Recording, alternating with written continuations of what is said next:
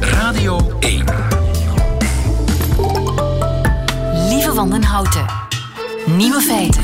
Dag, dit is de podcast van Nieuwe Feiten, geïnspireerd op de uitzending van 13 februari 2020. In het nieuws vandaag dat Delphine Boel al haar eigen postzegel heeft. Ieder lid van de koninklijke familie krijgt normaal gezien een eigen officiële postzegel.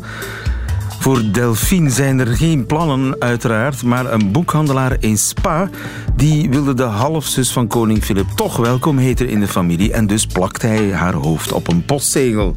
Letterlijk. En zijn knip- en plakwerk was zo goed dat het postkaartje dat hij zichzelf stuurde, bij wijze van test, zonder problemen door de sorteermachine geraakte en keurig werd afgeleverd door de postbode. Ik wil er wel eens zo'n postzegel. De nieuwe feiten vandaag. Meisjes van zeven krijgen tegenwoordig al borsten. Het seksuele leven van mangoesten is bestudeerd met spectaculaire resultaten. Beethoven was toch niet helemaal doof. En er is tegenwoordig vogelvriendelijk glas voor in uw ramen. De nieuwe feiten van Chris van den Abelen hoort u in zijn middagjournaal. Veel plezier. Nieuwe feiten. Radio 1. Dokter, mijn dochter is zeven en ze krijgt al borstjes. Dokters krijgen meer dan vroeger ouders over de vloer die ongerust zijn dat hun dochter te vroeg pubert. Martine Kools, goedemiddag. Goedemiddag. U bent de endocrinoloog aan het eh, UZ in Gent. Een nieuwe internationale studie toont aan dat meisjes vroeger borsten krijgen dan 40 jaar geleden. Op welke leeftijd krijgen ze die borsten dan tegenwoordig?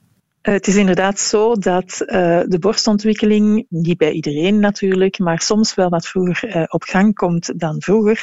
Um, dat wil zeggen dat we vrij frequent meisjes zien die bijvoorbeeld op de leeftijd van zeven jaar, tussen zeven en acht jaar, al ja, wat knobbeltjes voelen onder de tepels. en zijn die meisjes al aan het puberen dan? Wel, uh, het is wel belangrijk om uh, dat dan juist na te kijken, of dat inderdaad een start is van de puberteit, dan wel of dat het uh, klierweefsel dat onder de tepeltjes zit, alvast wat geactiveerd wordt, zonder dat dat direct met zich meebrengt dat eigenlijk die puberteit meteen van start gaat. En die puberteit, als die van start gaat, dan is dat niet alleen die borstvorming die begint, maar ook nog een snelle groeispurt bijvoorbeeld, verandering van ja, lichaamsvormen, groei van de baarmoeder enzovoort. Dus het is niet noodzakelijk het begin van de puberteit? Nee, nee. Dat, uh, dat klopt. Uh, het, soms is het zo dat die um, knopvorming ter hoogte van de borstjes, zoals we dat noemen, een beetje op en af gaat gedurende een hele periode. En dat kan een jaar zijn, dat kan zelfs meer zijn, um, waarbij dat eigenlijk de rest van de puberteitsontwikkeling, uh, snelle groei enzovoort, tot aan uiteindelijk het optreden van de maandstonden, um, dat dat eigenlijk nog niet begint op dat moment. Ja, ja. Hebben we enig idee waarom meisjes steeds vroeger borsten krijgen? we weten dat niet zeker, maar er zijn natuurlijk wel een aantal uh, theorieën die daarover uh, de ronde doen. Um, de belangrijkste zijn dat dit te maken heeft met een uh, toename van onze BMI en dus ook het lichaamsvet dat toeneemt. en daarmee mogelijk ook gepaardgaand de um, inwerking van hormoonverstoorders die we in de omgeving terugvinden en die in ons eigen lichaam opgeslagen worden, voornamelijk in het vet vetweefsel. Um, en wanneer dat dan natuurlijk uh, zich accumuleert, uh, meer en meer uh, aanwezig is in ons lichaam en vooral heel veel verschillende stoffen in steeds hogere concentraties, dan zou dat kunnen dat dat al het klierweefsel activeert, ja. zonder dat dat ook echt resulteert in eigen hormoonproductie. Dus de combinatie eigenlijk van meer lichaamsvet en hormoonverstoorders die gewoon in het milieu zitten. Ja, dat is eigenlijk een beetje de theorie die uh, daarover uh, circuleert. Ja, en die hormoonverstoorders, waar komen die ook alweer vandaan? Goh, die zitten uh, in, in allerlei producten die we gebruiken. Cosmetica, uh, landbouwproducten, insecticiden enzovoort. Uh, plastic ook. ja, dingen die we eigenlijk niet kunnen vermijden of, of ja, waar dat we sowieso te midden in zitten. En moet ik mij daar nu zorgen over maken als ehm, mijn dochter van zeven, die ik overigens niet heb, uh, borstontwikkeling zou beginnen krijgen? Is dat iets om mij uh, zware zorgen over te maken? Um, op dit moment is het zeker niet zo dat men denkt dat dat een belangrijke impact heeft op onze uh, gezondheid. Het feit dat die borstontwikkeling mogelijk wat vroeger begint. Um, het is niet dat je daar ziek van wordt of zo. En dus in de eerste plaats uh, stellen we de mensen dan ook echt wel uh, gerust. Ik denk wel dat het toont uh, welke impact dat eigenlijk onze moderne levenswijze kan hebben op onder andere ons lichaam. Niet alleen op, op het milieu enzovoort, maar ook op ons eigen lichaam. zien we toch dat dit een belangrijke impact heeft. Of dat dat dan resulteert onmiddellijk in gezondheidsproblemen, daarover is zeker geen duidelijkheid of, of geen heel sterke aanwijzing.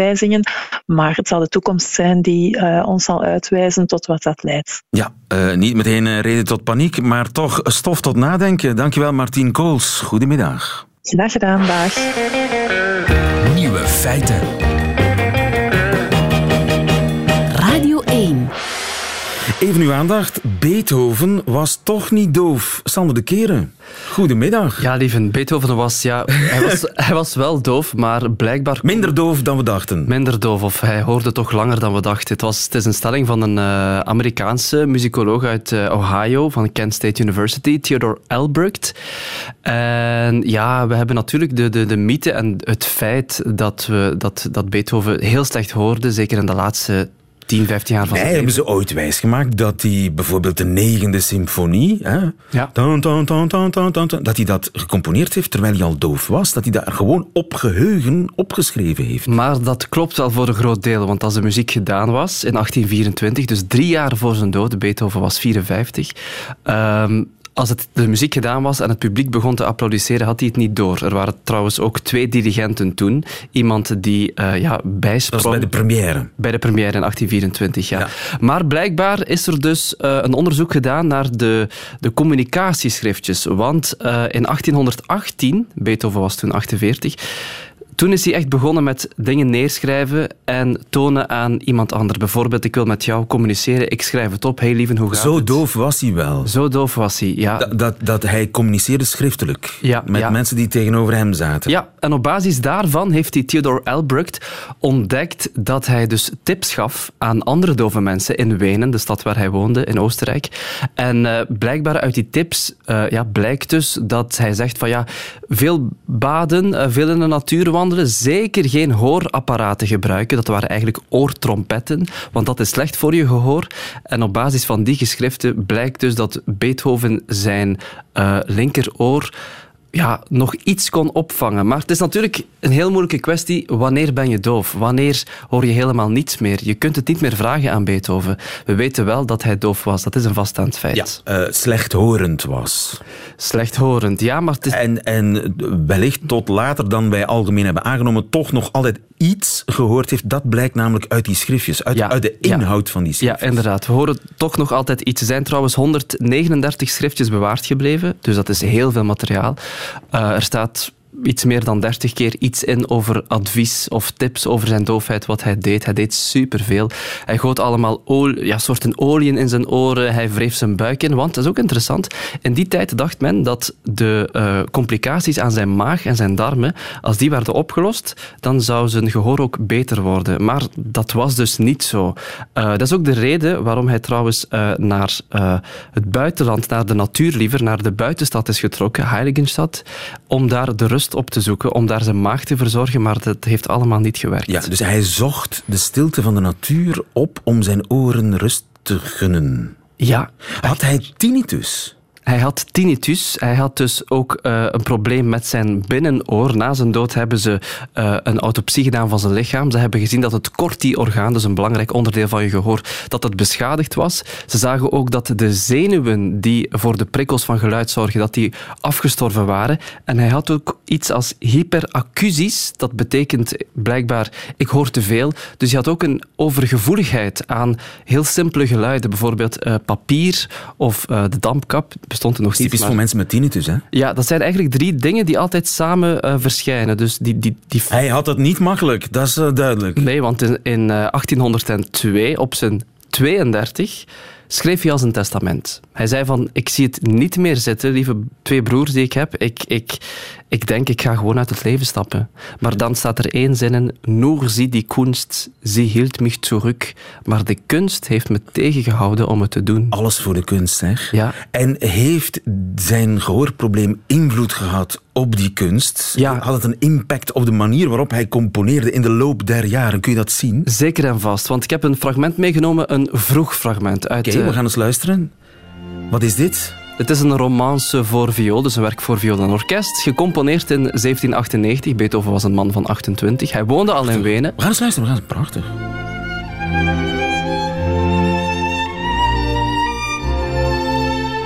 Heel romantisch, verliefd bijna. Zorgeloos. Ja, Ja, nog mooi in de lijn van, van Mozart. Eh, die was nog maar zeven jaar dood. Het is wel interessant, dit komt uit 1798 en dat is ook het jaar waarin Beethoven de eerste symptomen voelde van slechthorigheid, van, van, van doofheid. Dus toen begon het eigenlijk te kantelen, want vier jaar later schreef hij zijn testament.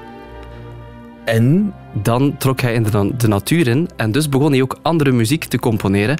Ook qua ideeën, want hij heeft een pastorale symfonie gecomponeerd. De zesde. En dat is een symfonie over de natuur en die heb ik ook meegenomen.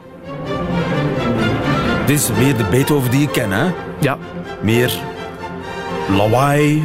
eigenlijk meer levenslust. Dus de frustratie van de doofheid heeft hij vertaald naar dit wordt mijn nieuwe creativiteit. Het feit dat ik een, een grote frustratie, een beperking, een gebrek als componist, zeker en vast, moet overwinnen, dat is mijn levensdoel. Ik moet dus eigenlijk mijn frustratie vertalen naar nieuwe creativiteit. En dat is ook de, de Beethoven die we kennen. Dat is de periode van de vijfde symfonie, deze zesde symfonie, van zijn vioolconcerto. Dat is de heroïsche periode. Hij heeft iets heldhaftigs gedaan. Hij heeft zichzelf Overwonnen. ja. En zo wordt het steeds meer en meer, tot op het einde van zijn leven. En dat is de, maar dat is psychologie.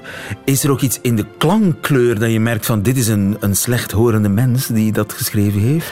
Weet ik veel, met hoge tonen, lage tonen? Ik vind van wel, zeker, er is een studie gedaan eh, begin 2000. Er zijn heel veel studies gedaan, meer dan 100 over de invloed van Beethoven zijn doofheid. En een van die studies toont aan dat hoe later in zijn leven, hoe minder hoge tonen hij gebruikt in zijn muziek. Dus het gaat allemaal iets lager en het komt iets meer uit, ja, uit de buik. Want diepe bassen, die voel je. Hoge tonen, die voel je niet. Bassen kunnen echt door je lichaam gaan. Dus eh, minder hoge tonen en ook luider. En het perfecte voorbeeld is de negende symfonie. Of huurde niet goed?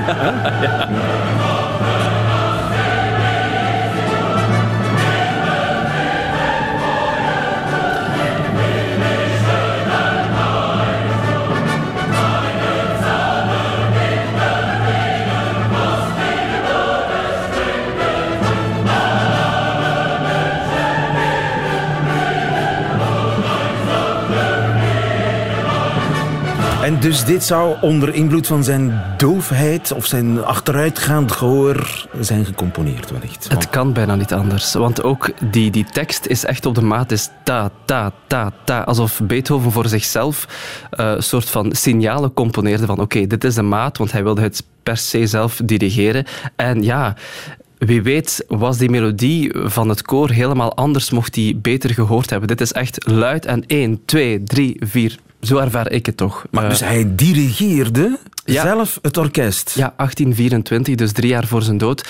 Dat is ook iets wat we vaak vergeten. Beethoven wilde eigenlijk een pianist zijn. Echt een carrière uitbouwen als pianist. Maar dat heeft hij moeten stopzetten, omdat hij niet meer kon horen. Dus dan heeft hij gezegd, oké, als ik niet meer voor een publiek kan spelen, dan ga ik me echt meer en meer bewijzen als componist. Ga ik grote werken schrijven. Een symfonie over broederschap, over ja, iets wat, wat, wat eh, een pianist zelfs overstijgt. Dus het was ook echt een carrière-switch. Dus een nieuwe manier van denken in muziek. Dus ook een, ja, een, een heel creatieve manier van denken. Ja, dus dat is dan de latere Beethoven, de negende. Maar er is nog een, een... Heeft daarna nog geschreven. Ja, want als je luistert naar Beethoven zijn laatste pianosonates of zijn strijkkwartetten, dat is van een soort schoonheid en minimalisme avant la lettre. Bijvoorbeeld het zestiende.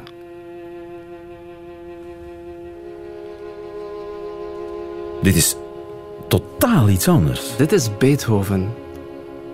dit lijkt late romantiek van, van Dvorak. Dit lijkt eind jaren 1800. Dit lijkt zelfs soms ja, een soort van Debussy. Of dit lijkt bijna heel vroeg Russische muziek uit de 20e eeuw. Of wat je er zelf in hoort. Maar dit is 1826. Dit is zo vroeg en zo... Een, ja, eenvoudig, zo minimalistisch. Maar heeft hij zich hier bij de feiten neergelegd, als het ware? Niet meer die heroïsche, die, die lawaai-makende Beethoven? Het kan bijna niet anders. Maar hier was hij echt doof toen hij dit schreef. Ja, want het is ook uitgevoerd na zijn dood in 1828. Beethoven stierf in 1827. Dit is in première gespeeld in 1828. En dit is echt muziek die Beethoven helemaal uit zijn herinnering componeerde. Dat is ook het mooie. Hij hoorde heel veel melodieën, hij schreef die op in notitieboekjes en dan kon hij op het einde van zijn leven hij wist hoe muziek klonk. Dus het was eigenlijk een herinnering oproepen in plaats van iets horen en op papier zetten. Hij kon gewoon in zijn eigen wereld, letterlijk tussen zijn twee oren, want hij hoorde niets anders. Daaruit kon hij putten. Die had eigenlijk geen uh, geluiden of geen prikkels meer nodig. Ja, en de melancholie zit als het ware in de manier van componeren ingebakken. En dat, dat hoor je hier.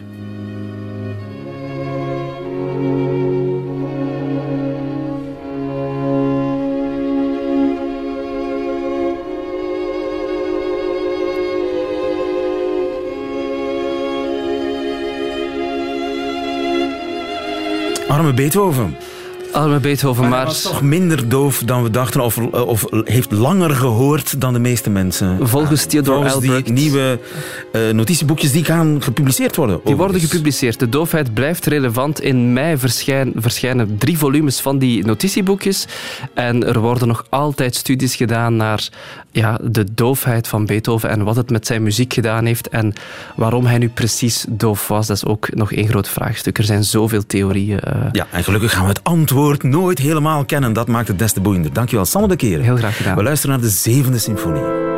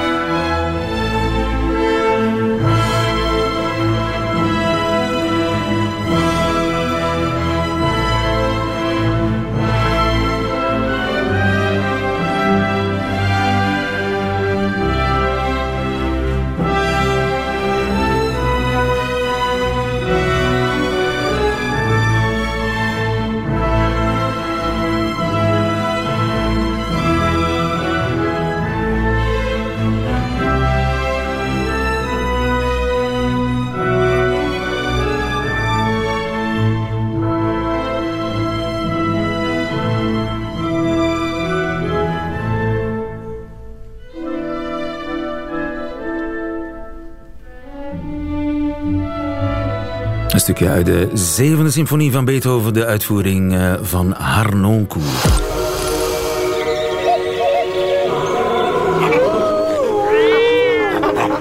Nieuwe feiten. Het seksuele leven van de mangoest is bestudeerd en de resultaten zijn nogal spectaculair. Dirk Drouwlands, goedemiddag. Goedemiddag, lieven. Mangoesten, hoe zien die eruit? Help mij eens, want ik, ik zie ze niet voor me. Mangoesten, dat is eigenlijk de familie waar dat ook de stokstaartjes bij zitten. Dat helpt niet, Dirk. Eh, stokstaartjes helpt ken ik ook niet.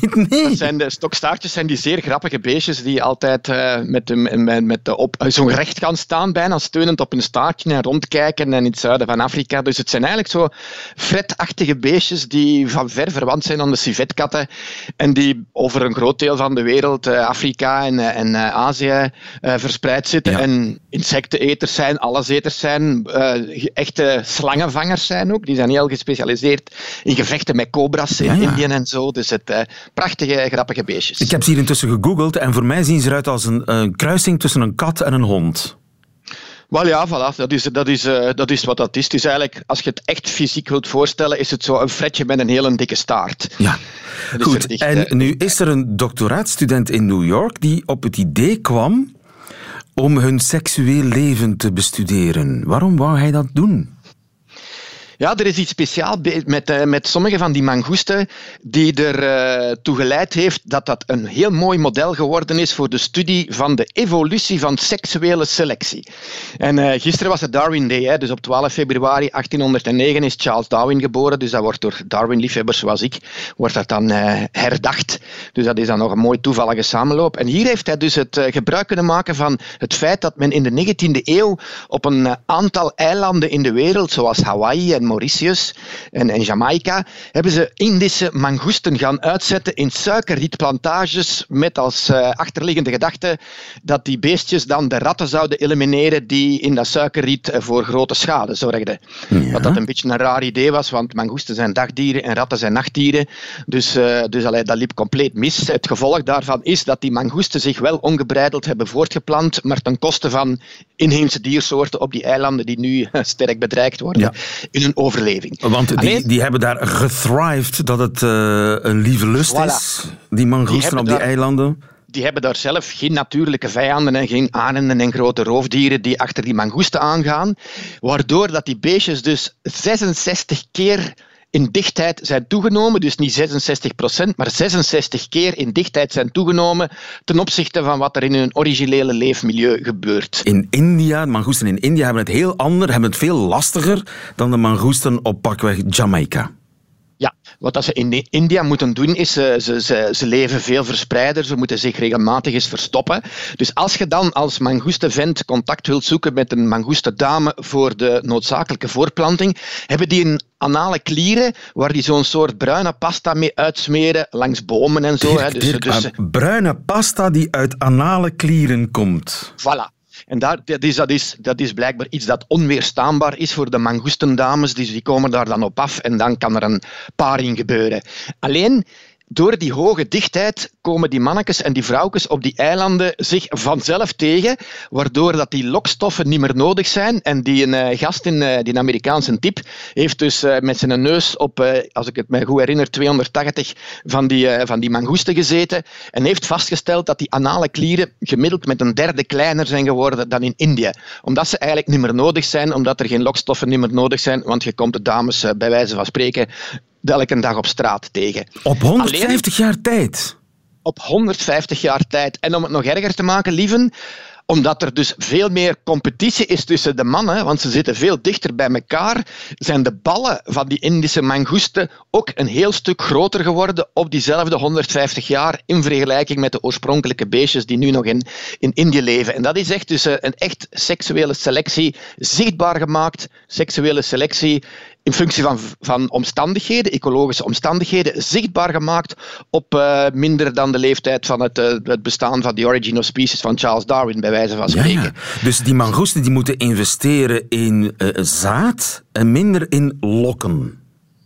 Want lokken is niet meer nodig, want de dames zijn beschikbaar. Alleen is er veel meer concurrentie. En het is een klassiek effect in de natuur van als er, hoe groter de competitie tussen vooral mannen is hè, om de toegang tot vrouwen, hoe meer zaad dat ze gaan produceren, echte zaadfabriekjes worden dat dan met als onderliggende gedachte, hoe meer zaad dat je produceert, hoe groter de kans dat uh, uw zaad uh, het, het, uh, de bevruchting van de vrouwelijke eitjes veroorzaakt. Ja. Er is trouwens iets grappig als je de, bijvoorbeeld gorilla, gorilla's, chimpansees en mensen met elkaar vergelijkt. Hè, in zaken de, de erectie, de penis en de ballen, dan blijkt dus het, het, de penis in erectie van de gorilla is wat wij in de Kempen zouden noemen een flutje van een cent. Dat is 1 of 2 centimeter groot en dat duurt, dat, die, die erectie duurt amper een paar minuten. Dat is omdat die gorilla's alles in fysieke kracht gepompt hebben, hè, groot en sterk zijn, om de concurrenten op afstand te houden met bruut geweld.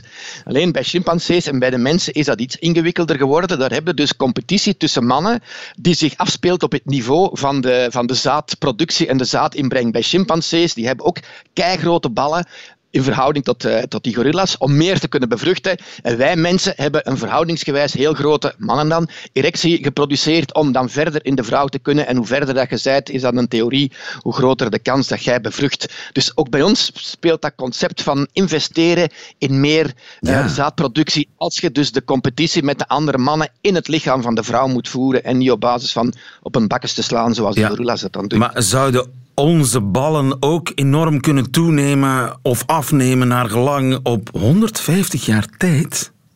Daar vrees ik voor, omdat die, die mangoesten zich natuurlijk veel sneller voorplanten dan wij. Die moeten geen twintig jaar wachten voor een, voor een volgende generatie.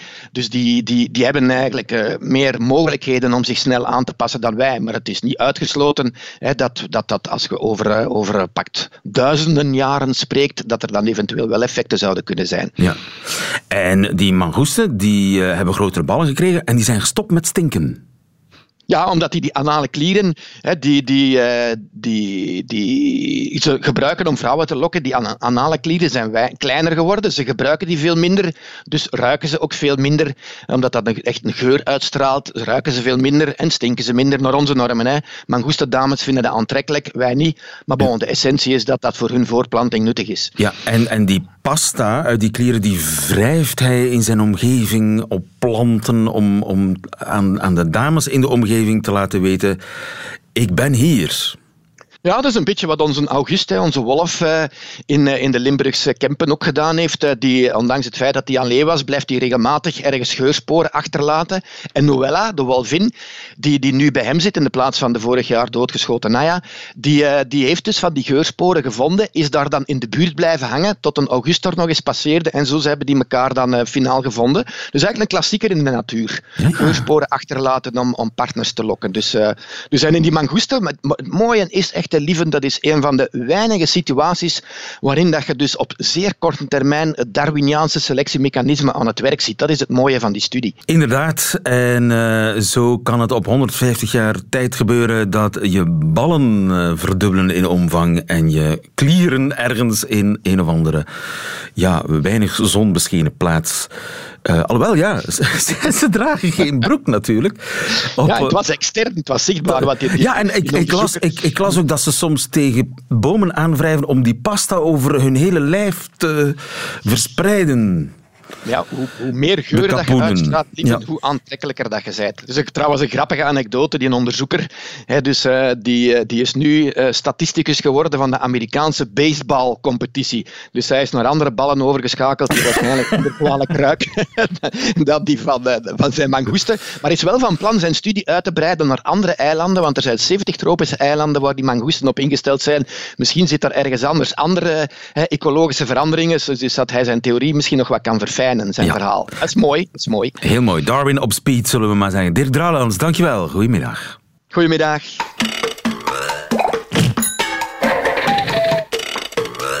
Nieuwe feiten.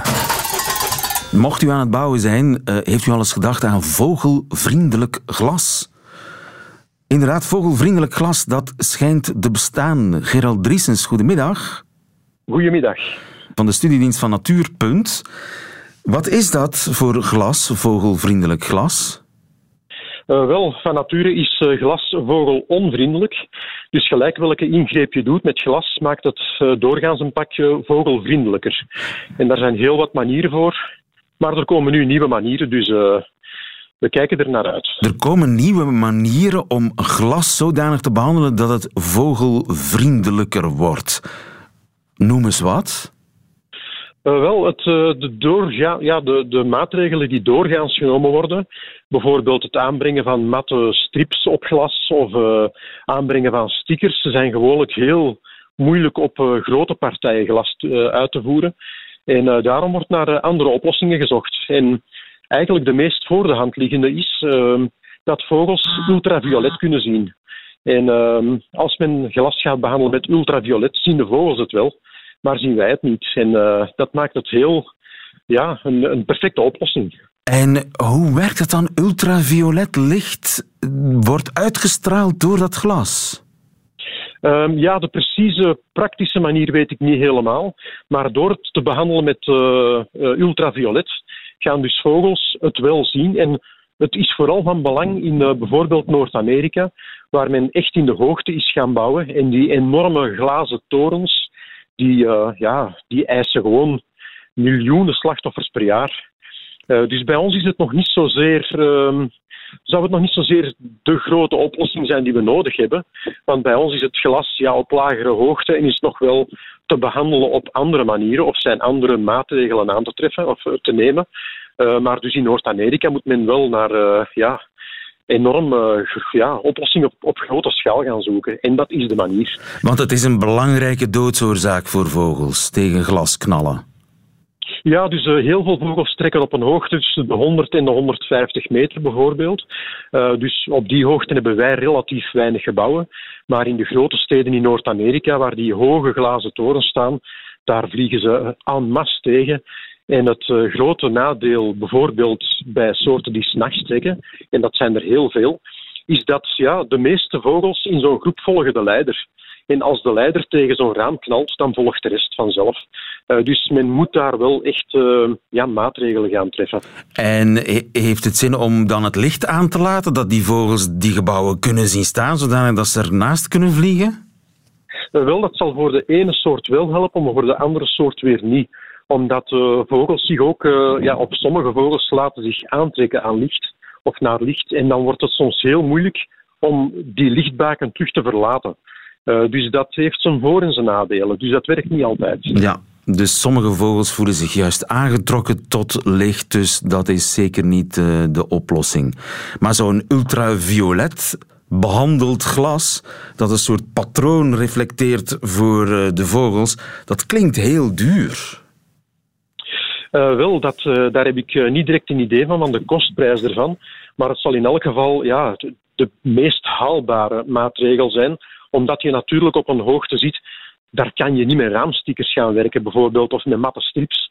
Omdat ja, je beperkt ook het zicht naar buiten dan natuurlijk. Hè. Dus het is de manier dat uh, de mens er totaal geen last van heeft, want je kan perfect naar buiten kijken, maar die vogels zien het s'nachts wel en zien wel perfect dat er een probleem of dat er een, een obstakel is. Uh, en anders kost het echt ja, uh, ja, vele miljoenen vogellevens die, die je kan vermijden. Ja. En dat is toch wel heel belangrijk. Zeker in deze tijden dat je weet dat ja, steden nemen toe in de hoogte. Die gaan minder naar opzij uitbreiden, maar meer in de hoogte. Dus men moet wel naar andere oplossingen zoeken. Ja, en voor mij, stel ik, ik bouw een huis en ja, tegenwoordig is het wel hip om een enorm groot raam te hebben.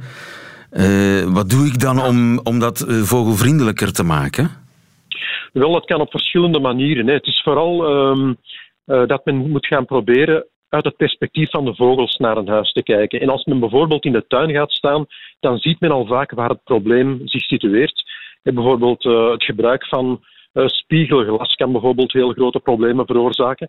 Uh, dat uh, vogels denken dat er een tuin achter dat uh, glas zit of aan die andere kant van die opening, ja. van die deuropening of, of die raamopening, terwijl dus, het er helemaal niet is. Dus de spiegelglas is een slecht idee. Ja, oké.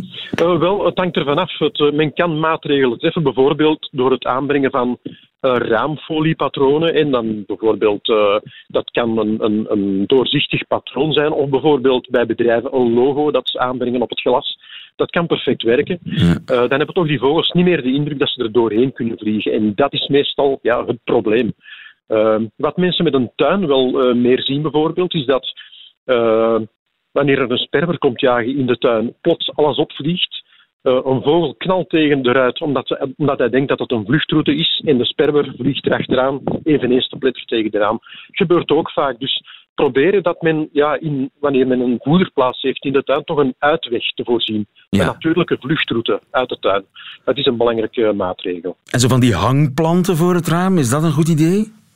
dat helpt zeker. Dus um, men gaat ook bijvoorbeeld uh, regelmatig zien, vooral in het voorjaar, wanneer dat uh, vogels territoriaal zijn, dat ze ja, een vijand zien in hun eigen weerspiegeling in het, in, de, in het raam. Dus die vogels gaan niet te pletter vliegen tegen een raam, omdat die echt wel um, ja, met het obstakel gaan vechten, dat, ja, met de weerspiegeling gaan vechten eigenlijk, maar die gaan er niet tegen vliegen. Maar bijvoorbeeld een hangplant zal wel het effect creëren dat er geen doorweg is voor vogels. En dat is voldoende. Dus daar draait het eigenlijk om. En eh, zijn er nog dingen om mijn huis vogelvriendelijker te maken? Een daktuin bijvoorbeeld? Een daktuin helpt zeker en vast, omdat het uh, bijvoorbeeld uh, een broedplaats gaat creëren voor bepaalde soorten. We zien bijvoorbeeld dat sommige soorten die relatief schaars zijn in Vlaanderen, bijvoorbeeld scholkster, dat is een waadvogel, uh, dat die meer en meer op daken gaat broeden. Dan wel op gegriend daken van bedrijven bijvoorbeeld. Dat zijn grondbroeders en die zijn heel kwetsbaar op de grond, bijvoorbeeld door vossen of marters of katten. En die hebben een oplossing gevonden door op daken te gaan broeden. Maar groendaken ja, bieden meer voordelen natuurlijk. Bijvoorbeeld meer insecten of ja, geven nestmateriaal aan vogels. Dus dat zijn zeker en vast welkome oplossingen. Ja, en zo kunnen we het aantal slachtoffers naar beneden krijgen. Dankjewel. Uh, Gerald Driesens, goedemiddag. Graag gedaan. Dat waren ze, de nieuwe feiten van 13 februari 2020. U heeft alleen nog die van Chris van den Abelen te goed, onze collega. U krijgt ze in zijn middagjournaal. Nieuwe feiten. Middagjournaal. Beste luisteraar, het is van dat. Ik ben erbij. Eén woord, één verkeerd woord gezegd, een verklein woordje nog wel. Lukt het, Stefanieke? En toen die repliek, die me midscheeps trof. Stefanie is ook goed hoor. Lap. Die lukte, dat was dus oké. Stefanieke, dat was niet oké. Me too op de VRT. Stefanie is nieuw op de werkvloer en heel bekwaam, dat was al meteen duidelijk. Ze straalde die eerste dagen een soort stuurse vriendelijkheid uit, een zelfbewuste nederigheid. Ik herinner me hoe onzeker ik zelf was mijn eerste maanden op de redactie voorjaar 94 en hoe euforisch ik was omdat Martin Tange of Dirk Sterk zo vriendelijk waren. Maar tijden veranderen, daar had ik onvoldoende rekening mee gehouden. En daar zat ik nu met dat onbehagelijk gevoel, terecht gewezen aan een poging om vriendelijk te zijn. Ik sprak er Stefanie op aan. Oh, ik vond het niet erg hoor, zei ze, maar wel wat paternalistisch. Dat is interessant, dacht ik. Paternalistisch. Ja, eigenlijk had ze gelijk. Ik wou haar inderdaad een vaderlijk soort schouderklopje geven. Een manier om te zeggen: hé, hey, jij komt er wel. Maar dat vinden jonge mensen, of sommige jonge mensen, niet meer fijn. En misschien hebben ze wel gelijk. Zwart, terug naar Stefanie. Geloof het of niet, maar er is een fijne babbel van gekomen. Ze was bijzonder open. Over studies, het leven, het werk, ja, zelfs over de liefde hebben we het gehad. Het was echt een goed gesprek. En voor alle duidelijkheid, Stefanie is niet de echte voornaam van Stefanie. Ze zou het vast niet fijn vinden dat ik het openlijk over haar heb. En ik wil geen enkel risico meer lopen. Niet dat er diepe vriendschappen moeten van komen, maar het contact met de Stefanieën van deze wereld is me te veel waard. Wie weet mag ik hun voornaam ooit opnieuw als een voornaampje uitspreken. Heerlijk vooruitzicht, maar ik ga er me de eerste jaren niet meer aan wagen.